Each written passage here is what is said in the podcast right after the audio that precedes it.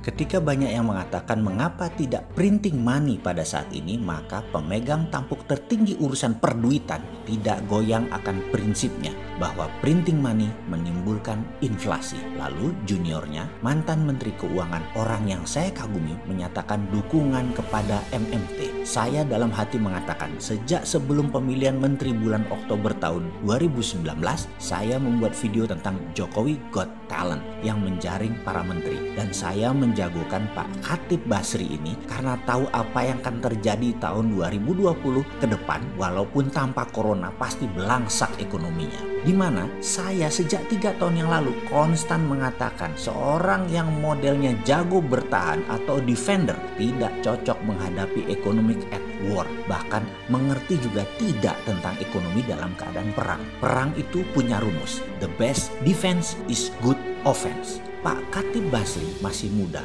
pembelajar, berpengalaman, dan up to date dengan ilmu ekonomi kekinian. Juga MMT sebagai garda terdepan New Economic Model bisa dia pahami. Ada baiknya saya ulangi lagi, walaupun sudah puluhan kali saya mengatakan tentang geopolitik dunia. Sejak Trump dilantik jadi presiden, maka Cina menjadi common enemy dalam tanda petik negara Amerika. Di mana selama 8 tahun Partai Demokrat berkuasa zamannya Obama, Cina adalah mitra utama Amerika dan perusahaan Amerika di Cina meningkat dengan banyaknya jabatan orang-orang seperti Joe Biden, Hillary menjadi komisaris perusahaan-perusahaan Amerika di Cina tersebut. Catatan, nanti kalau Joe Biden menang melawan Trump di November 2020 bisa balik lagi hubungan Cina dan Amerikanya membaik. Beda dengan Demokrat menunjuk Sanders tanding lawan Trump. Sanders bukan berperang lawan Cina atau bekerja sama dengan Cina. Tidak keduanya. Sanders punya perangnya sendiri yaitu melawan